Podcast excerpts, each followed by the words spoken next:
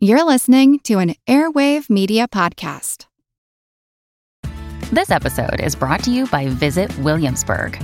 In Williamsburg, Virginia, there's never too much of a good thing. Whether you're a foodie, a golfer, a history buff, a shopaholic, an outdoor enthusiast, or a thrill seeker, you'll find what you came for here and more. So ask yourself, what is it you want? Discover Williamsburg and plan your trip at visitwilliamsburg.com. Another day is here, and you're ready for it. What to wear? Check. Breakfast, lunch, and dinner? Check. Planning for what's next and how to save for it? That's where Bank of America can help. For your financial to-dos, Bank of America has experts ready to help get you closer to your goals. Get started at one of our local financial centers or 24-7 in our mobile banking app. Find a location near you at bankofamerica.com slash talk to us. What would you like the power to do? Mobile banking requires downloading the app and is only available for select devices. Message and data rates may apply. Bank of America and a member FDIC. This is Kick-Ass News. I'm Ben Mathis.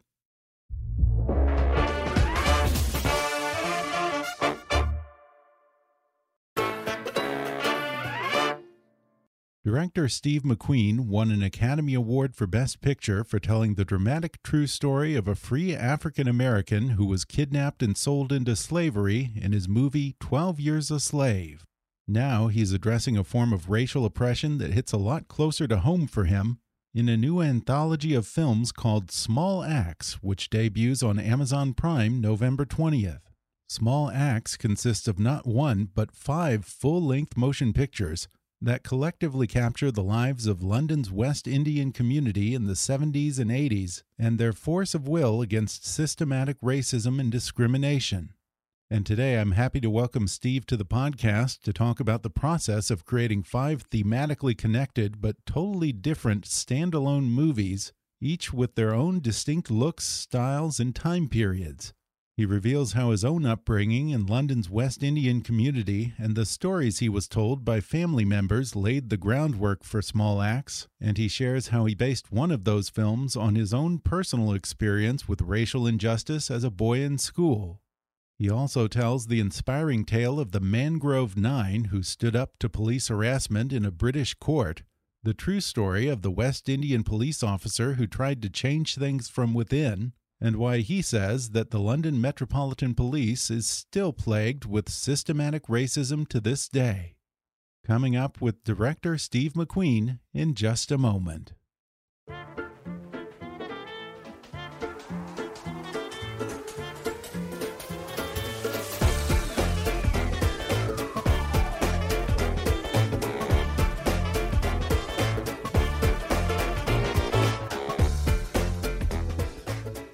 Sir Steve McQueen is a British filmmaker best known for his Academy Award winning motion picture 12 Years a Slave. His other feature films include Hunger, for which McQueen received the Camera d'Or at the Cannes Film Festival, as well as his 2011 movie Shame, and most recently Widows in 2018. McQueen is the recipient of the Turner Prize, the highest award given to a British visual artist, and in 2014 he was named one of the 100 most influential people in the world by Time magazine. He was appointed Officer of the Order of the British Empire in 2002, Commander of the Order of the British Empire in 2011, and was recently knighted this year for his services to film. Now he's out with not one, but five movies as part of his new film anthology titled Small Axe, which premieres on Amazon Prime November 20th. Steve McQueen, welcome to the podcast. Uh, thank you, sir. Thank you, Ben. Well, congratulations on the knighthood. That that just happened this New Year's, right? Uh, yes, it did. Yes, it did. Okay. Yeah. Well, what is that ceremony like? Is it the full deal with the sword and everything? Uh, it, it has COVID nineteen. That's all I'll say. It hasn't happened yet. Scott was on. So yeah, we'll, we'll, we'll see when it happens. Well, I want to start by talking about your career. Uh, you had a rather atypical path into filmmaking. Uh, you didn't go to film school that I'm aware of or work your way up in the commercial film industry. You actually started out more on a design and fine arts track. Is that correct? Yes, I, I did. But I did go to art school for three months. Went to NYU for three months, but it wasn't for me. So I came back to London. Uh, Interesting. My, my, trajectory was, was, was, was fine art. Yeah, I went to Goldsmiths uh, London University, um, and before that Chelsea. But yeah, my my my first love was painting, uh, and then picked up a camera, and and and, and that was it. Yeah, uh, that's interesting. What I'm curious what you didn't like about NYU because that's a certainly a well-respected film school over here. That just wasn't for you. Huh? I think, yeah, again, it wasn't for me. Um, you know, again, I, I wanted to experiment a, little bit, and it was very rigid.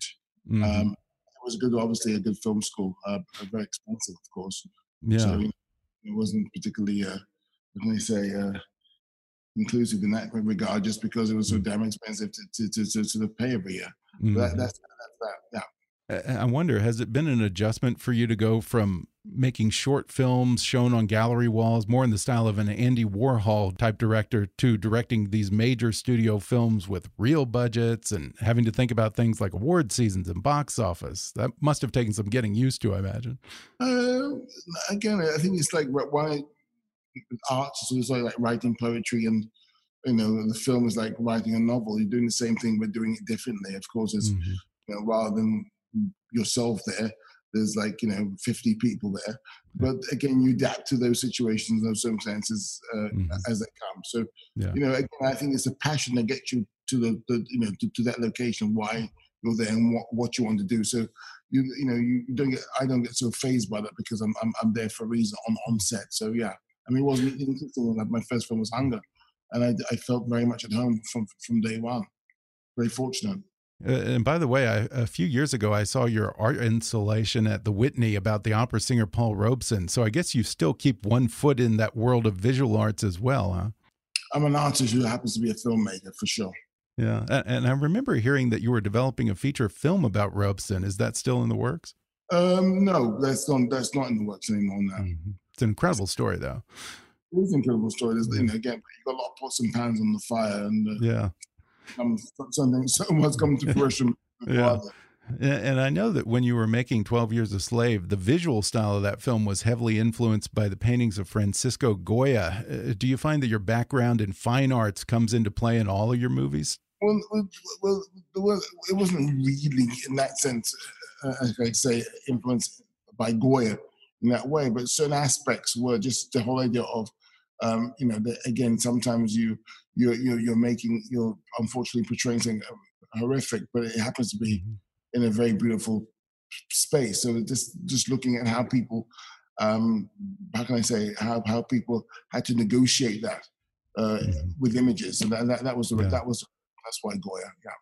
Well, I want to talk about this brilliant new anthology, Small Axe, which tells five largely untold stories of the West Indian community in London. First of all, where does the title Small Axe come from? Well, Small Axe comes from a, a Wailers, a Bob Marley and Wailers uh, song, but originally it comes from an African proverb, uh, meaning a, a, small axe can cut, can cut down any tree. You know, mm-hmm. if you are, you know, if we are the small axe, you are the big tree.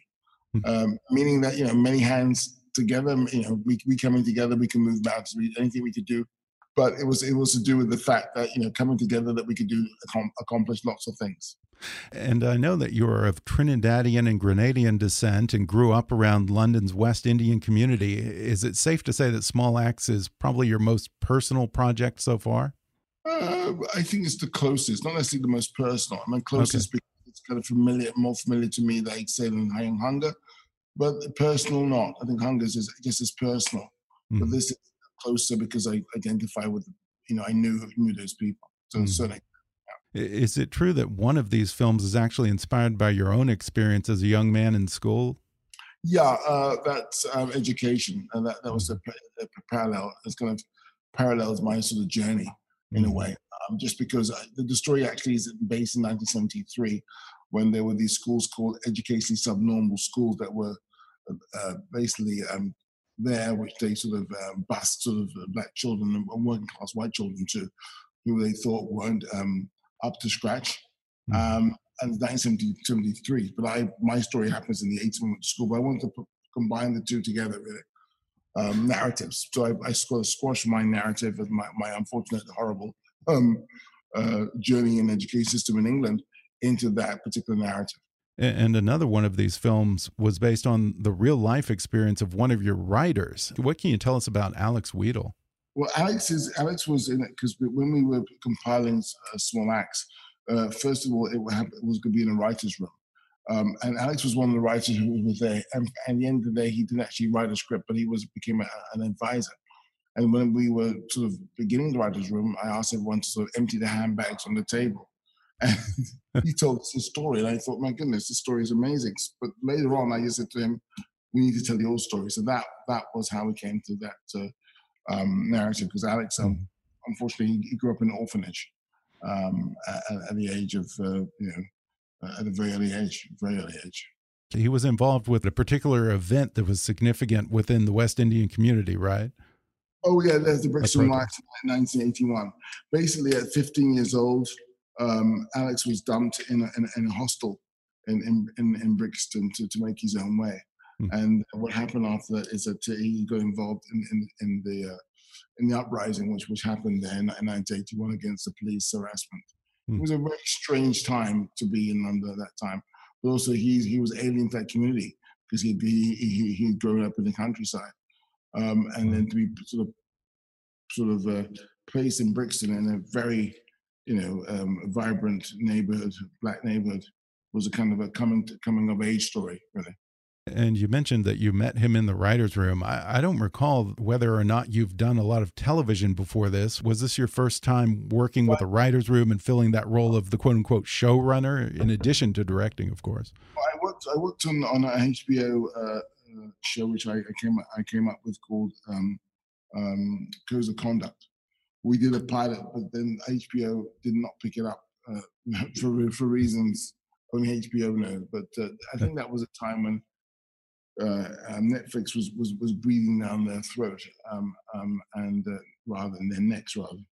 Um, and there was a lot of things going on as far as uh, just in the case of um, offloading work that they didn't, they didn't. That I imagine that they can compete with what Netflix was. It's very interesting because a lot of uh, good filmmakers unfortunately got their projects shut down on HBO. But that, that's how it goes. That's that's that, that's the lifestyle. They did you enjoy that experience of being able to work with a group of writers as opposed to a film, which is a very different experience? I loved it because again, it's like sort of being in the best high school or university rather than high school, in the best university lecture ever because you're sort of all there for the same goal. Um, that was great, um, um, and the scripts we had were fantastic. Uh, uh but I learned a lot, mm. and when I adapted it for Small Axe, at the end of the day, that didn't work out the the writers' room then turned for me into an audition room of the writers I wanted to work with, and that was Courttia Newland and Alastair Sims. Hmm. And you worked with a largely black cast, black writers, uh, I think uh, also a largely black crew from what I read, many of whom came from London's West Indian community.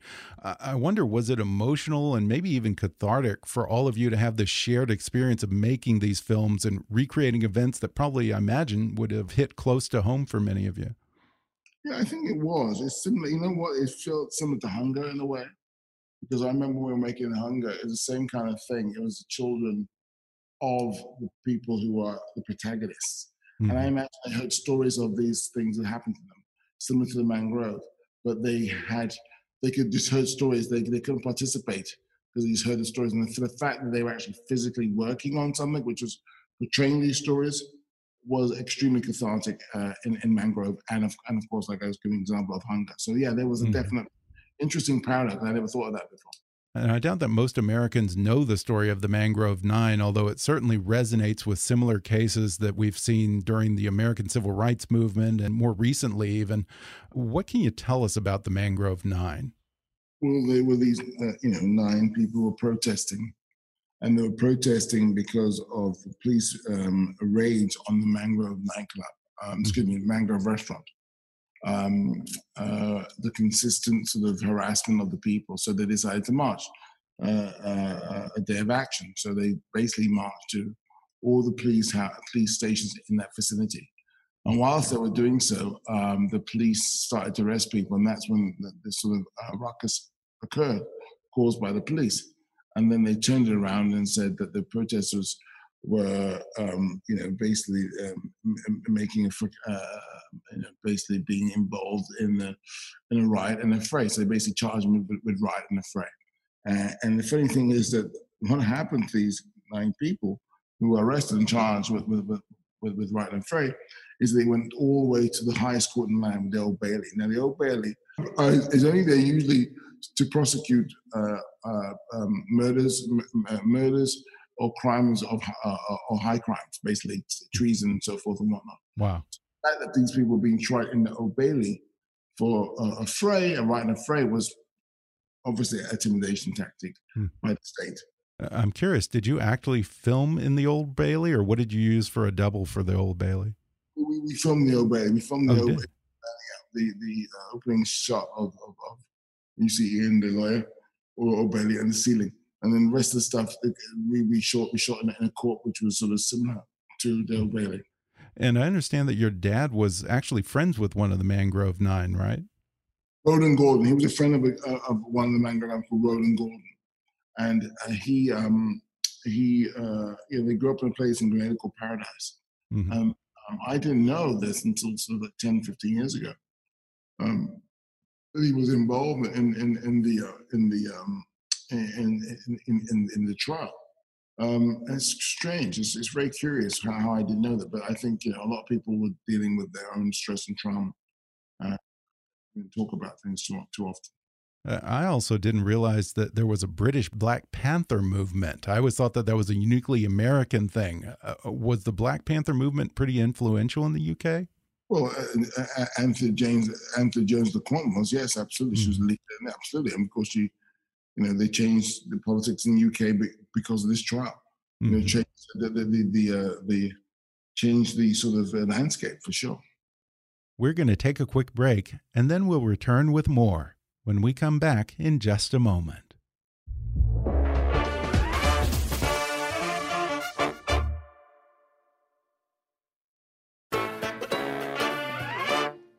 I know that several of the Mangrove Nine, including Frank Critchlow, have passed away, as well as the attorney who represented them. I think he just died this year or, within the year. Did this create an added urgency to speak to those who are still with us and get their story down? Absolutely. We, we spoke to Ian, um, unfortunately, yesterday. Lloyd died. Um, was, I, I, think it's last year. I think it's last year Ian died. But we had spoken to him before we sort of uh, participated on this venture. So we were very fortunate enough to do it. But yes, a lot of it was to do with doing it to, to get testimonies before people passed away because we, we conducted like over 150 interviews. Uh, researcher Helen Bart more generally speaking, the plight of African Americans tends to dominate the conversation about race, but I don't hear that much about the struggles of black Britons or particularly the West Indian community in London. Why do you think that is? Is it just that the UK was more than 30 years ahead of us in abolishing slavery, or the US civil rights movement was such a landmark event? What do you think? Well, it depends what news you watch or, or, right. or read or see. I mean, it's, it's there, it's, it's not, it's not hidden. I mean, there's lots of things going on. I mean, you know, again, um, um, you know, unfortunately, in America, people are more insular, uh, and therefore maybe the, the news isn't isn't um, isn't so international. So that that that's possibly sure. why. And most of these stories might not be familiar to American audiences, but I'm curious if they've even been largely left out of the history books in the UK as well. Yeah, I think obviously yes, they they, they have, but I think again, you know, again, it's it's you know you know again if you want to know you you know if you don't if you, again mm-hmm. it's one of those things where these things were happening and they were happening in plain sight and I imagine if you were interested in it you you would have your, your ears would be pricked up for it because I look there's been a lot of situations going on in recent times where people are becoming becoming aware for the first time I mean case in point unfortunately in you know George Floyd I mean how many George Floyds have to have to happen for people actually understand and realize that stuff happens. I mean, it's, mm -hmm. it's mm-hmm. incredible. And you dedicate Small Axe to the memory of George Floyd. I wonder when you look back at all of these stories in Small Axe, including at least two that directly address discrimination and abuse against Black Britons by British police in the 60s, 70s, and 80s, does it feel to you like we've made significant progress since then? I think we have.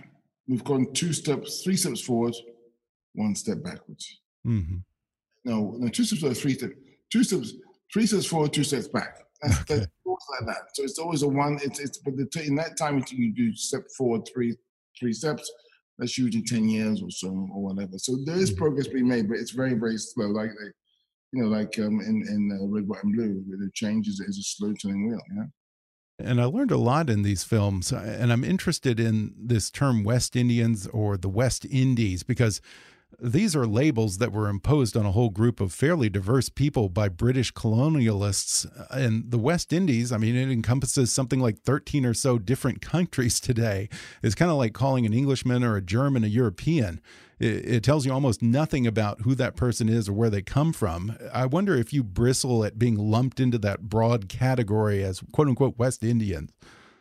Well, I think, you know, we are individuals as, as a nation, but we are a collective just like mm-hmm. small axe. I mean, with, you know, individually, you know, we got, you know, we, we are, we are, we, you know, we're, we're, we're nothing, but together we are, we are strong. I think that's the thing. That's the, that's the, that's always been the situation in the West Indies as far as a, a collective is concerned. We are, we identify each other. We know each other because we are, we're brethren. You know, we are, mm-hmm. we are, we are um, joined by the hip in some ways. Just because someone put, put someone on one island compared to the other island, but yes, there are different sort of cultural differences for sure, but you know, we're brothers and sisters, that's for sure. Okay, so initially, this categorization that was sort of imposed on this group of diverse peoples is now something that is very much embraced and a symbol of the community as a whole, huh? They're, not diverse in, in, that sense, in the sense of the, okay. the origins are, are there. Of course, they came from Africa. They were put there to, to, to, to work on sugarcane, work on a plantation. So mm-hmm. yes, in some ways there, there, there's a difference because they grew up differently to the neighbors and different cuisine, different languages, and French and Dutch and uh, you know English and and whatnot. Um, uh, but at the same time, there is a collective. They are they are mm-hmm. collective. They come from the same source. Mm. And different accents. That's something that you had to cope with uh, when you were making one of these films, I recall, right? Yeah, I mean, interesting. Getting all the accents right. Or, or, or, interestingly enough, when linguists want to find out how people in Bristol spoke at a certain time, they go back to sort of places like Barbados because hmm. you know they've kept that accent. So yeah, it's it's yeah, it's kind of everyone everywhere everywhere, everywhere it's slightly it has a slight slight difference, but you know hmm. very similar at the same time. And I'm curious to get a little bit of background on this because I believe that most of the people portrayed in these movies are probably first or second generation immigrants to England, and most of them were coming from places that had been British colonies at one point or another. Did they already have some experience with the kind of institutionalized racism that traditionally came with being a person of color in a British colony? No, no? I don't. That, I don't think it was that. I think they had some kind of understanding of it, but there wasn't what they experienced when it came to the mainland. Really? No, because on the island were black. Mm. So hmm. there's some kind of aspect of in, in, the institutions, but the everyday racism that people sort of uh, had to endure when, when they got here. No, I don't think they they could ever anticipate that for sure not, because you know they saw London and Britain as, as as a mother country, so they thought they hmm. were respected as so as as as, as citizens. Wow. Yeah, that must have been a real shock to the system to come from a place where you are the the majority and come to England where you're suddenly in the minority and discriminated against. The second film is called Lovers Rock and the title refers to a specific genre of music. Uh, what is Lovers Rock, Steve? Lovers Rock is is a genre of music which is um uh, it's about love. It's it's basically was a in, in a way it was invented to sort of um, to sort of, how can I say, it was invented for for for for for people to sort of you know slow dance to, for more mm-hmm. than a better word. And it was, you know, I think women were very dis, you know, they love reggae, but after a while, it was a bit, it was, it was, a bit heavy, and I think people just wanted to sort of have a good time. And lovers, that's why lovers rock was invented. In some ways, it was a, it was a, it was, it was a sort of a um, borrowing from the American soul music, but over a reggae a, a reggae group. And the film captures the specific era in the history of London's West Indian community when blues parties or house parties were a big part of the culture. How did blues parties originate? Well, because unfortunately, um, a lot of black people were not invited. Were not even invited. Were not welcoming clubs, so people mm. decided to make their own. So what happened was then people used to sort of roll up the, the, the front room carpet and put the settee or, or, the coffee table all in the spare room and made the front room kind of like disco. And you would charge it, you would charge at the door to get in, and uh, you could buy food there and drinks there and so forth. So that, that that's what that's what the blues was because it was invented because uh, people were not welcome. And if they were welcome, there'd be a quota, so one or two people allowed in the club. So mm-hmm. people thought, you know what, we'll, we'll make our own club. Yeah, and, and that's something that comes through in a lot of these films. This idea that when you're shut out of communities or not allowed in clubs, not respected, then you kind of make your own thing. You make your own way, whether it's the Mangrove Cafe or blues parties or whatever. Well, that's it. I think it's one of those things where, you know, it's about making your own because no one's going to do it for you. One has to sort of be invented. One has to sort of take you know ownership of, of of, of their own lives in order to sort of you know move on and persevere because you know you're not going to be given anything, so you got to take yeah. it. It sounds very similar to what used to be called rent parties in the 20s and 30s and 40s in America. African Americans, particularly in Harlem, would okay. roll up the carpet in someone's apartment, bring in some jazz musicians, serve up some soul food, and usually homemade liquor and charge a small fee. It seems to happen wherever there's a need for community yeah, I think that's it. I think that that's sort of pretty special in the way that, mm-hmm. uh, you know, again, I think again when you have nothing, you know, you do something. Again, it can, it's like the Irish and the, and, and the Shebeens. It's the mm-hmm. same kind of thing, you know? same thing. And I was really interested in the rituals of what you I think call blues dancing and how how one chooses a partner to dance with and so forth. It almost seems like a mating ritual. Tell us a little about that. Well, it's kind of again. I it was one of the things I used to sort of. Uh, um, I say? I remember as a, as a child of a certain height because I, would be dragged along to these parties sometime and I had to fall asleep oh, yeah. in bed and wake up with all these coats all on top of me. And I would go into the living room and see these guys and they would sort of touch the woman by their elbow and move their hand slowly down their forearm to their wrist and hopefully the woman would clutch his, his hand. If she clutched his hand, that means you had a, you were in, you had a dance. If you didn't, of course, you had to move on and try to find another partner. There's a particular kind of delicacy which I, I loved. To, uh, yeah, yeah, it's a very sensual process. Then that brings to mind the fact that Lovers Rock is much more atmospheric than the other films. The, the story is largely conveyed visually rather than verbally. And it really highlights the fact that all of these movies stand on their own. I wonder when you're making five different films, is it challenging to create a distinctive look and music and tone for each one the way you did? Yes, you have to because I think again it's also because also they, they because they were different uh, mm -hmm. decades. They were different decades, and therefore you know again it goes hand in hand with how it should it, it, it, it should go. Yeah, I think also the fact that we had an amazing costume and amazing design like Jacqueline Quant I don't know, it was amazing. It was pretty, and, and Shabier, the camera, the new cameraman I work with, has an amazing sense of, of balance, and therefore, again, and talking about the colors in each, sorry, still wait, see, talking about the colors in, in, in, in each individual um, film because we use different film stocks and different techniques. Mm-hmm. So that was that was that was very important. And without giving away too much, at one point in this particular film, Lovers Rock, there's even a scene where the music stops, and for five minutes, the partiers continue to sing a cappella and dance, but there's no actual verbal dialogue in it. And I read that that scene happened totally organically during the shoot, right? It did. It did happen organically um, under my orchestration. but it's, it's one of those things where you hope and wish it happens, and, and it does. But you have to create the environment for it to for it to be.